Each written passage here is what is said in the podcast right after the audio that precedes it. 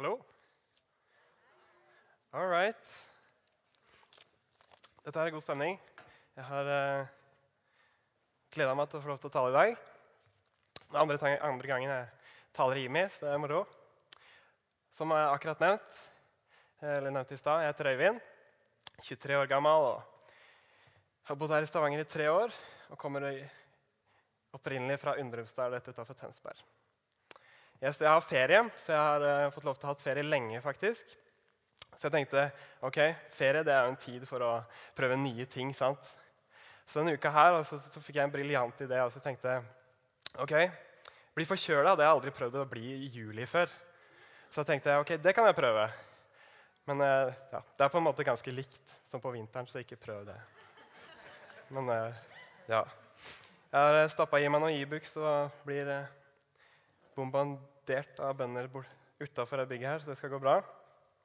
Yes. tenkte jeg kort skulle starte med et uh, personlig vitnesbyrd som går litt inn på det jeg skal snakke om i dag. Uh, fra 2008 til 2010 så jobba jeg på Pelles verksted som lærling og reparerte hvitevarer. Det var en uh, periode hvor Gud gjorde veldig mye i meg. det var en periode jeg virkelig begynte å søke Gud og lese er i Bibelen og be på en helt, annen måte. jeg husker jeg ble helt udramatisk. Så ble jeg åndsdøpt hjemme på gutterommet og fikk tungetall. Og det første jeg merka, var at jeg fikk en helt ny frimodighet.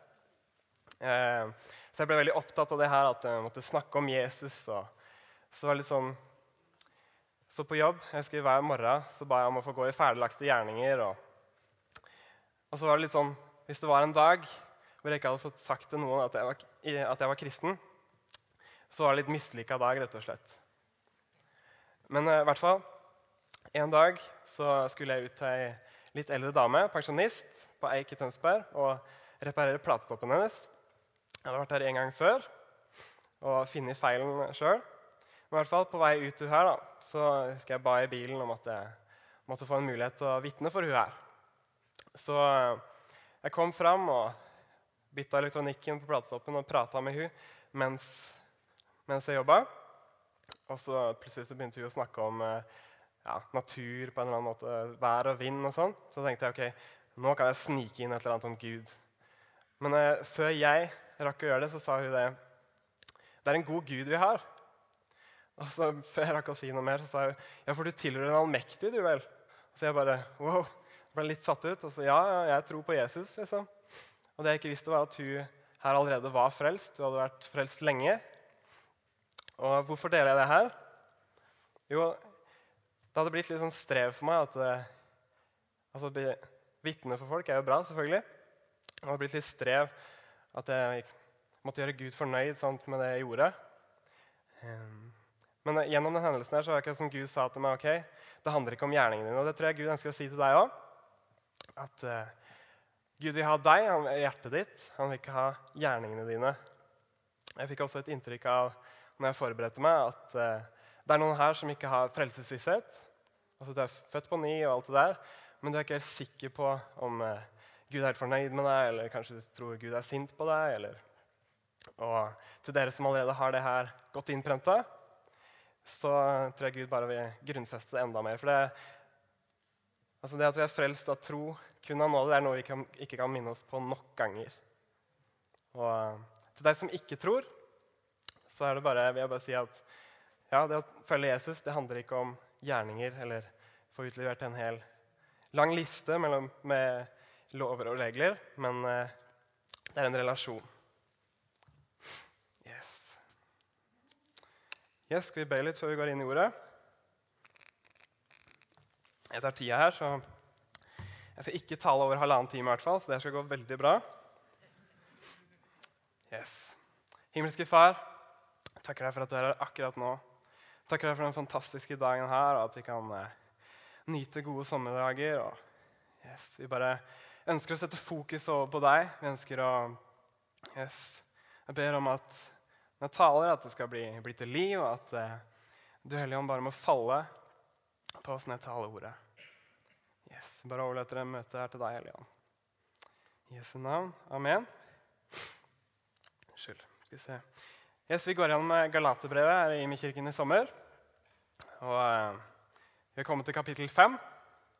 Og i kapittel 5 her er det mye snacks også. Så Si det til personen ved siden av. Eh, si til personen ved siden av deg på tydelig østlandsdialekt. Her er det mye snacks.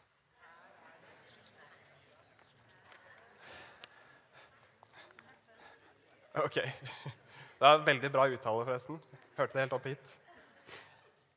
Ok, Det er sikkert noen som ikke har fått fullt gjennomgangen av Galaterbrevet, så det er greit med et eh, kort, kjapt overblikk.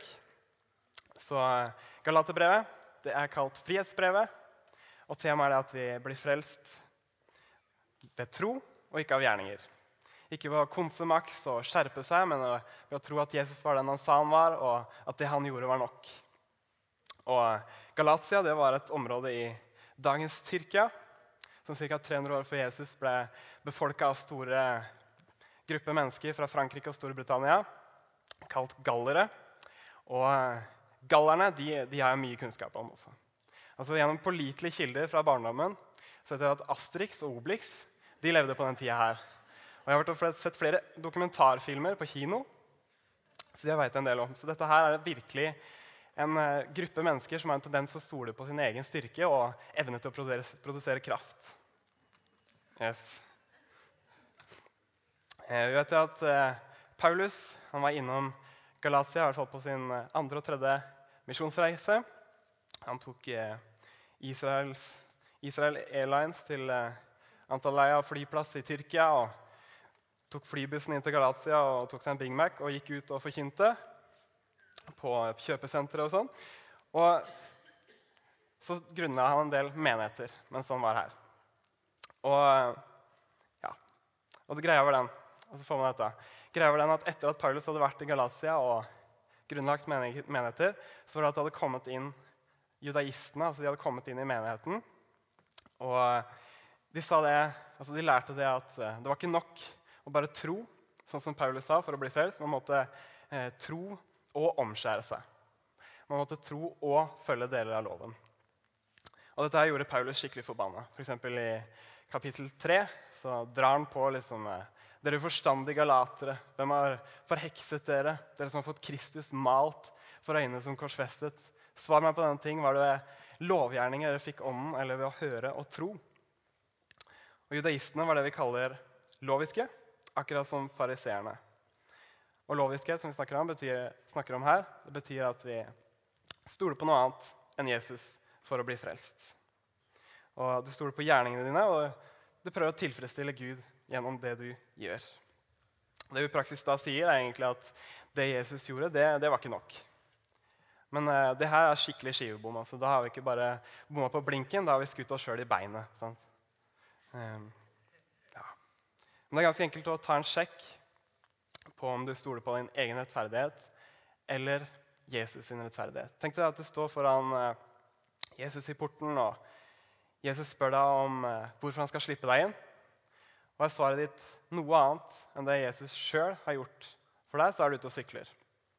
Men viser du til Jesus sin rettferdighet, så da slippes du rett igjennom uten å måtte gå gjennom den omfattende sikkerhetskontrollen over dine prestasjoner og gjerninger. Så før vi går videre, så bare poengterer det at altså, loviskhet og disiplin det er to helt forskjellige ting som vi ikke må eh, blande. Altså, for eksempel, det er ikke loviskhet å lese i Bibelen selv om du syns det er slitsomt eller tiltak å komme i gang. Så, ja, beklager hvis jeg ødela unnskyldningen din til å ikke lese i Bibelen. Det var ikke meninga å ødelegge kvelden din. Yes. Har du en bibel, så kan du slå opp i kapittelbrevet. kapittelbrevet ja. Du kan slå opp i kapittel 5 i Galaterbrevet. For det som slår opp, så er Galaterbrevet etter andre Korinterbrev og før Efeserbrevet. Er du i brevet, så har du kommet for langt. Snu og ta til venstre. Yes. Da skal vi lese første avsnitt. Galaterne 5, 1-15. Der står det det. Til frihet har Kristus frigjort oss. Stå derfor fast, og la dere ikke tvinge inn under slaveåket igjen. Hør hva jeg, Paulus, sier dere. Hvis dere lar dere omskjære, vil ikke Kristus være til minste hjelp for dere. Jeg klærer igjen, hver den som lar seg omskjære, er forpliktet til å holde hele loven. Dere som vil bli rettferdige ved loven, er skilt fra Kristus. Dere har falt ut av nåden. Men vi venter i ånden ved tro på den rettferdigheten som er vårt håp. For i Kristus Jesus kommer det ikke an på om en er omskåret eller uomskåret. Det gjelder bare tro som er virksom i kjærlighet. Dere begynte løpet godt. Hvem er det som har hindret dere i å være lydige mot sannheten? Hvem har overtalt dere? Ikke han som kalte dere. Litt surdeig gjennomsyrer hele deigen. Men i Herren stoler jeg på at dere ikke vil gjøre, tenke annerledes enn jeg gjør. Og den som forvirrer dere, skal få sin dom, hvem det så er. Hvis jeg fremdeles forkynner omskjærelsen, søsken, hvorfor blir jeg da forfulgt? Da er ikke korset lenger noen snublestein. Må de bare skjære av seg alt sammen, disse som sprer uro blant dere. Dere søsken er kalt til frihet. La bare ikke friheten bli et påskudd for det som kjøtt og blod vil, men tjen hverandre i kjærlighet. For hele loven blir oppfylt i dette ene budet. Du skal elske de neste som deg selv. Men når dere biter og grøfter etter hverandre, så pass dere så dere ikke eter hverandre opp. Ok? Det blir litt eh, bibeltimeaktig, det her. Jeg har ikke tid til å gå gjennom alt grundig vers for vers, men jeg har valgt ut åtte av dem. Jeg skal prøve å gjøre det så aktuelt og praktisk for deg som mulig. Jeg starter å ta en kikk på vers 1 igjen. Der sto det. Til frihet har Kristus frigjort oss. Stå derfor fast, og la dere ikke tvinge inn under slaveåket igjen. Yes. Å stå fast her det er et uh, uttrykk av det greske ordet 'steko', som betyr å stå fast, holde, holde, ut, holde grunnen. Så det er litt parallell her til uh, nasjoner som er i krig og skal beskytte friheten sin og landegrensene sine fra en uh, ytre fiende. Og på samme måten så må vi beskytte friheten vi har i Jesus. Og da når jeg snakker om her, så snakker vi om friheten fra loven. At det handler ikke om prestasjon, men om en relasjon. Vi trenger ikke å gjøre noe for at Gud skal være fornøyd med oss, for det Jesus har allerede gjort Gud fornøyd. Så Jesus tok på seg all straffen og all vreden. Det, det står det i Salme 34, 23 at ingen som søker tilflukt hos ham, blir straffet. Altså, Gud er ikke sint på deg. sant? Og Paulus sin formaning i rettesettelse til å stå fast den betyr det at eh, friheten vi har i Jesus, den kommer ikke automatisk. Så selv om dette kanskje er basic for mange, så er dette noe vi må minne oss på igjen og igjen og igjen. At alt handler om tro, og det Gud ønsker å gi oss og ta oss inn i gjennom tro. Kun av nåde. Så alt i Guds rike mottas av tro. Kun av nåde. I 1. Peterbrev 5,8 står det at djevelen søker noen han kan oppsluke. Og uh, dette her, Han prøver konstant å prøve å uh, overbevise om oss om at uh, vi må gjøre oss fortjent til dette her som Gud vil gi oss. Frelsen til å kunne virke nådegaver. og Han prøver dette her hele tida. Det er hans, fremste våpen.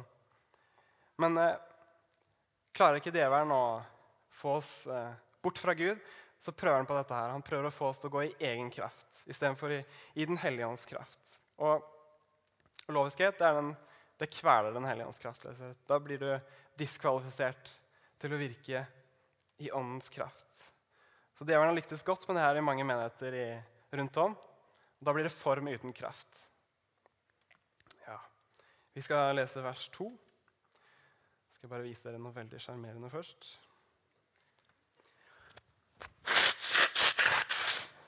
Mm, deilig. En gang til.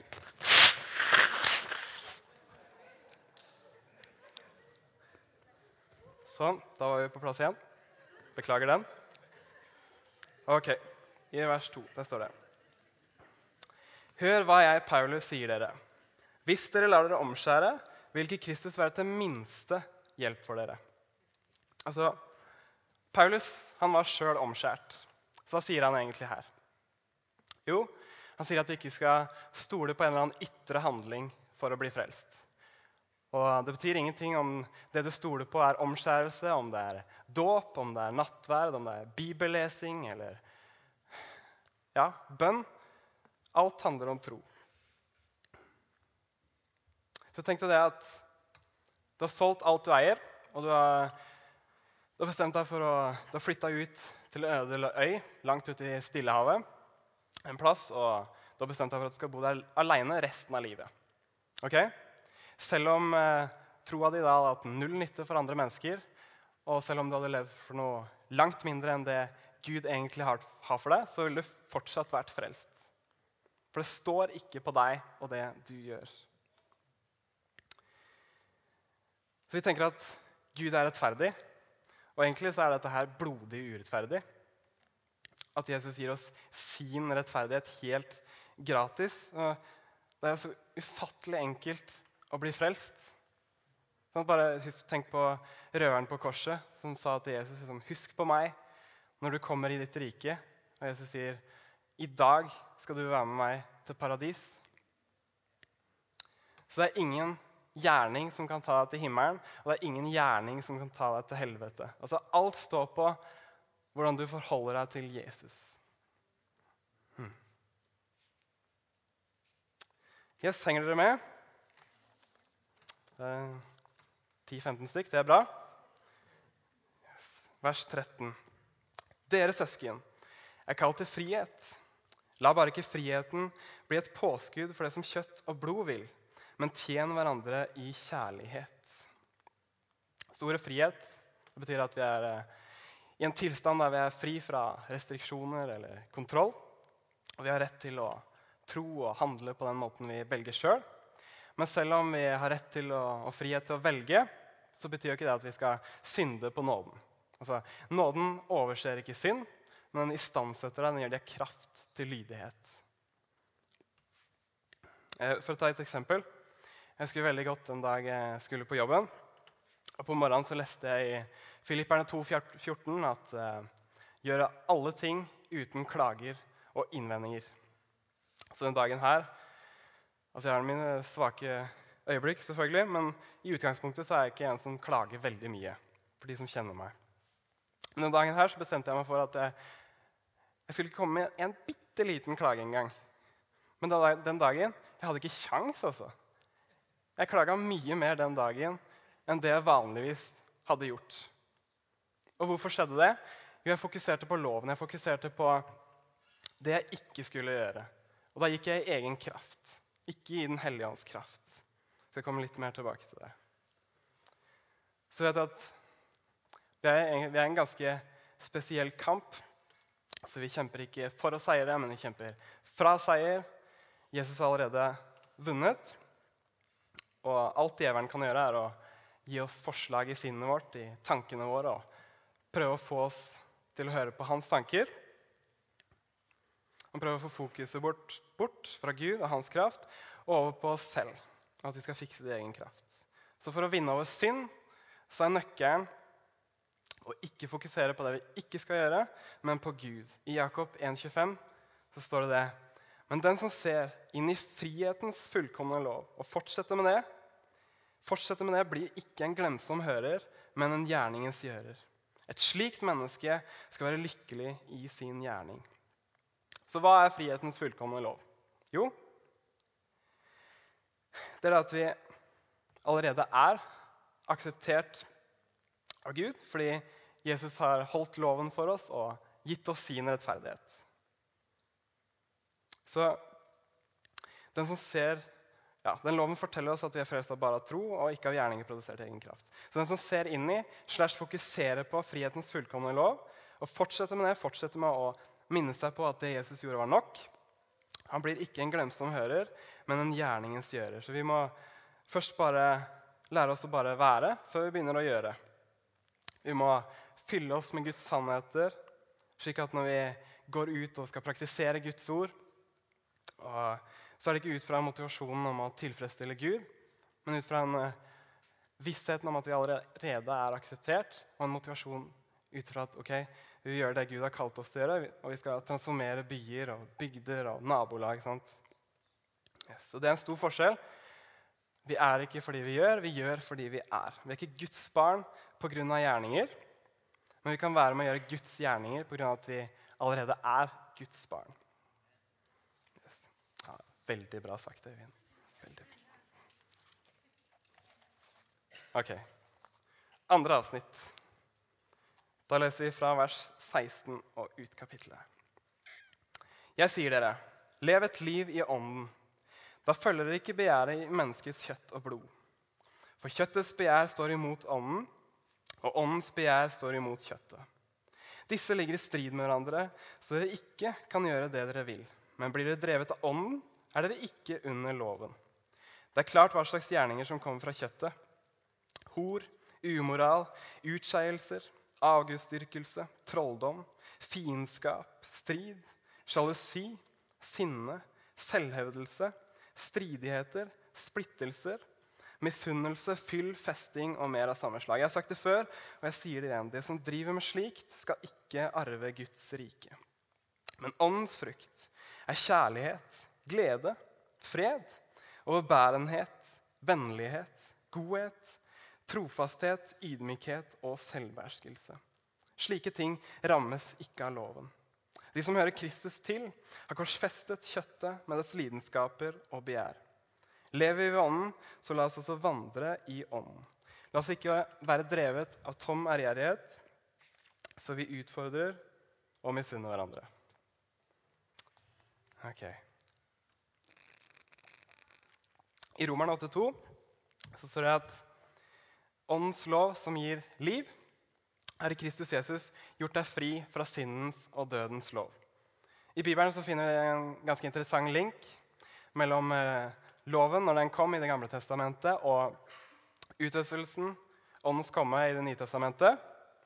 I 2. Mosebok 32 så kan vi lese om eh, Moses som har vært oppe på Sinai-fjellet en god stund og mottatt steintavlene. Og eh, han var på vei ned fjellet, fra fjellet. Men israelsfolket, som eh, da venta ned på fjellsida, de hadde blitt utålmodige. Så det er klart, eh, altså Strømmen på iPhonene hadde begynt å gå ut. og Noen hadde allerede sittet og spilt Angry Birds i åtte-ni timer. sant? Så de var veldig gira på å få i gang lovsangsfesten her. Men de, det de gjorde da, det var at de fant på den gode ideen å smelte seg en gulvkalv og bygget alter foran det og brant fredsoffer og ja, tilba rundt det her. Da. Og Resultatet er at det blir en dom her.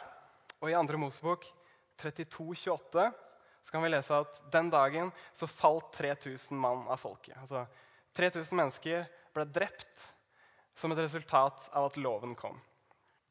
Men så er det kult. I Apostelens gjerninger 2,41, etter at Den hellige ånd har kommet, så står det at 3000 mennesker ble frelst.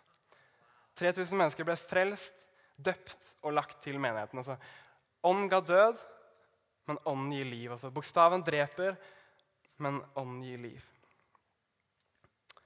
Så hvor mange her er det som vet det at eh, loven er god og hellig? Men det som er saken, er at loven ikke har noen som helst kraft til å sette deg fri. Den er god, men den kan ikke skape godhetens frukt i deg. Den er rettferdig, men den kan ikke gjøre deg rettferdig.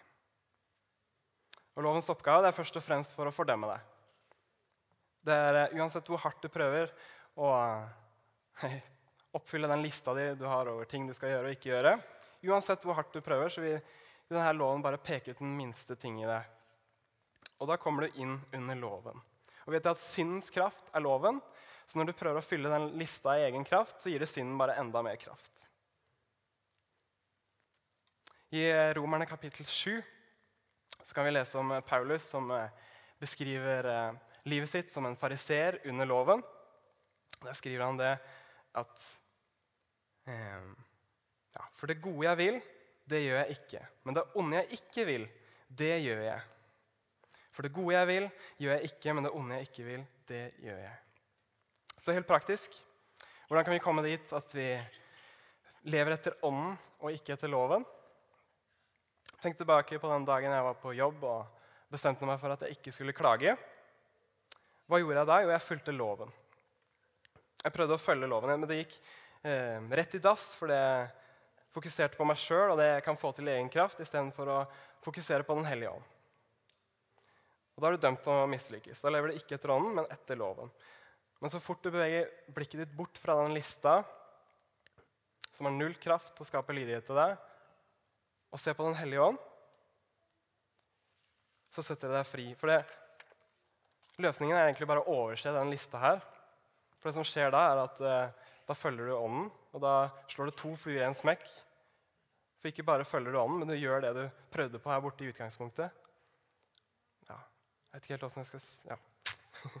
Så skal du bli fri fra synd, uansett om problemet er at du er en hissig hissigpropp, en baksnakker, om du har dårlig humor, eh, avhengighet av en eller annen slag eller lignende, så ligger ikke løsningen i problemet. Løsningen ligger i å tro at du allerede tilfredsstiller Guds krav til rettferdighet.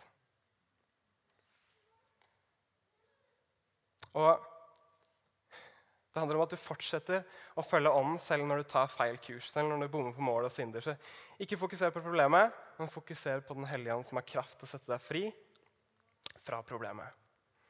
Og skulle du falle, så bare reiser du deg opp igjen og renser deg i Jesu blod, og så, og så fortsetter du å følge den der dua. Og ikke la deg lure da, hvis du har falt, ikke la deg lure til å prøve å gå i egen kraft igjen. Mange tenker det at ok, for at jeg skal ha kraft til å kunne helbrede noen nå, så må jeg i hvert fall ha hatt et par-tre dager uten å bomme på målet for at jeg skal kunne ha kraft til å gjøre det. Men det stemmer ikke. Altså, det er djevelen som prøver å lure deg inn i loviskhet og strev. Altså, Loviskhet kveler Den hellige ånds kraft. Så istedenfor å gå i den fella, så skal vi fortsette å følge Ånden, som vil sette deg fri til å leve det livet Jesus modellerte for oss og viste oss at var mulig i Den hellige ånds kraft. Gir det mening? Ja, gir mening for meg i hvert fall. Jeg blir oppgitt der. Det er det, er det viktigste. ok. Vers 22 og 23. Der står det. Men åndsfrukt er kjærlighet, glede, fred, overbærenhet, vennlighet, godhet, trofasthet, ydmykhet og selvbeherskelse. Slike ting rammes ikke av loven. Så interessant at åndsfrukt er nevnt i entall, mens det er ni frukter. Men i hvert fall, Åndsfrukt i livet ditt det er heller ikke noe du skal få til i egen kraft.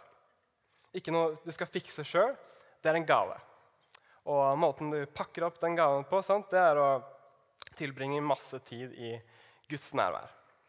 Gjennom låsang, bønn, ja, bibellesing. Sant? Så det ser veldig forskjellig ut, men jeg har min beste kvalitetstid med Gud når jeg er ute og går tur. Kanskje du har når du sitter i bilen eller tar oppvaska eller hva som helst. Men uansett, så når vi tilbringer tid med Jesus, så blir vi forma av ham. Vi blir mer lik, mer lik Jesus.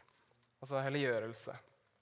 Åndens frukt det er helt forskjellig fra åndens gaver. Altså, når vi opererer i nådegavene og helbreder, profeterer, skjelner, ser i den åndelige verden, eller tyder en tunge, eller sånn, så er det Den hellige ånd som jobber gjennom deg. Den hellige ånd jobber gjennom deg. Mens åndens frukt derimot er et resultat av at Den hellige ånd jobber i deg og skaper frukten i deg. Så da har du blitt formet av å tilbringe tid i Guds nærvær.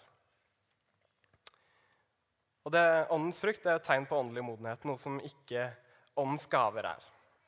Så det er grunnen til at eh, mange kanskje er skeptiske til nådegaver, for det er noen som er unge i Kristus, eller ja, kanskje, ikke, kanskje har brukt det på litt feil måte. Så det er mange som har blitt skeptiske til det.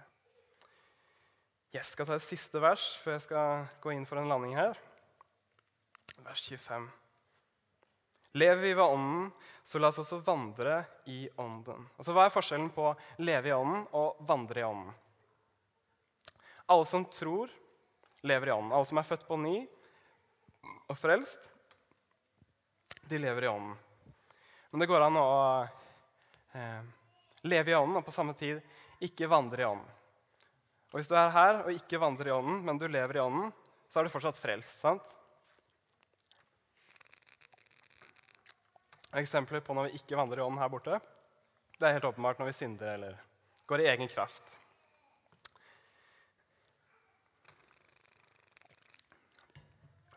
I Hebreerne 3,12 så står det, det at Se til, søsken, at ingen av dere blir onde og vantro i hjertet og faller fra den levende Gud. Altså bare så Det er sagt, det, det går ikke an å falle fra Gud uten at du merker det sjøl. Altså falle fra her er affistemi, altså det er en aktiv viljeshandling fra din side. Så når vi tar imot Jesus, så lever vi i nåden. Altså, da er du født på ny, og du har kledd på deg Jesus for godt. Altså, det, ikke an, det, ikke det er ikke sånn at du går nedover veien og går sammen med Gud, og plutselig så tryner du, og så forsvinner Gud bare videre. Nei, det er ikke sånn. Og det er heller ikke sånn at vi trenger å drive med selvevaluering hele tida. Altså, det er jo oppskriften på å bli deprimert. Um, ja, vi trenger ikke å drive med selvevaluering for liksom å passe på å skulle bekjenne alt mulig rart. Altså, misforstå meg rett, Bekjennelse er bra, men hvis uh, frelsen hadde vært avhengig av, hvis Gud hadde vært avhengig av din evne til å bekjenne, så ville jeg brukt et par-tre timer hver dag også, hadde jeg vært deg, for liksom være sikker på å ikke ha noe ubekjent den dagen jeg dør. Yes. Bekjennelse er riktig og bra å gjøre. Yes. Og som sagt Ingen gjerning kan ta deg til himmelen, og det er heller ingen gjerning som kan ta deg til helvete. Så til slutt har jeg lyst til å bare si til deg som kanskje ikke er en kristen, kanskje ikke tror, eller ikke er helt sikker på det her med Jesus. Sant? Så, som jeg nevnte i starten altså, Det handler ikke om å få utlevert en, en liste. Altså, det er en relasjon. Men eh, det vil koste deg litt. Altså, tar du imot Jesus, så du få problemer med å fortsette å gjøre en del av de tingene som du alltid har gjort. Men det er vel verdt prisen. Altså. Du, får, du får Gud tilbake igjen. Sant? Du får Han som er kjærlighet. ikke sant? Ja. Og, um, ja. og det vil ikke lenger være universets sentrum, men Gud vil bli herre i livet ditt. Og Det er, ingen, det er ikke noen magisk bønneformel for å bli frelst. Altså, det er en relasjon. Jeg skal avslutte med å lese i Efeserne 2, 8-10. Fra nåde er dere frelst ved tro. Det er ikke deres eget verk, men Guds gave. Det hviler ikke på gjerninger, for at ingen skal skryte av seg selv. For vi er Hans verk, skapt i Kristus Jesus, til gode gjerninger som Gud på forhånd har lagt ferdige for at vi skulle vandre i dem. Jeg leser en gang til. For av nåde er dere frelst, ved tro. Det er ikke deres eget verk, men Guds gave. Det hviler ikke på gjerninger for at ingen skal skryte av seg selv. For vi er Hans verk, skapt i Kristus Jesus til gode gjerninger som Gud på forhånd har lagt ferdig for at vi skal vandre i dem. Så det er ikke noe vi skal få til å prestere her. Gud vil ha deg, ikke gjerningene dine. Så vi må lære oss først og fremst det her bare å være Guds nærvær. og Stille oss i en posisjon hvor vi blir fylt av Den hellige ånd igjen og igjen. og igjen. Så kommer altså, Da kommer lidenheten og friheten automatisk. Når vi fokuserer på Den hellige ånd, som er en person, livets, livets ånd, så vil han istandsette seg og gi deg kraft til å bli mer lik Jesus. Ok, Skal vi reise oss opp? og Lovsangerne kan begynne å gjøre seg klare. Yes. Det var veldig bra lovsang i stad, forresten. Det fortjener nesten en klapp. Ikke nesten, det fortjener en klapp.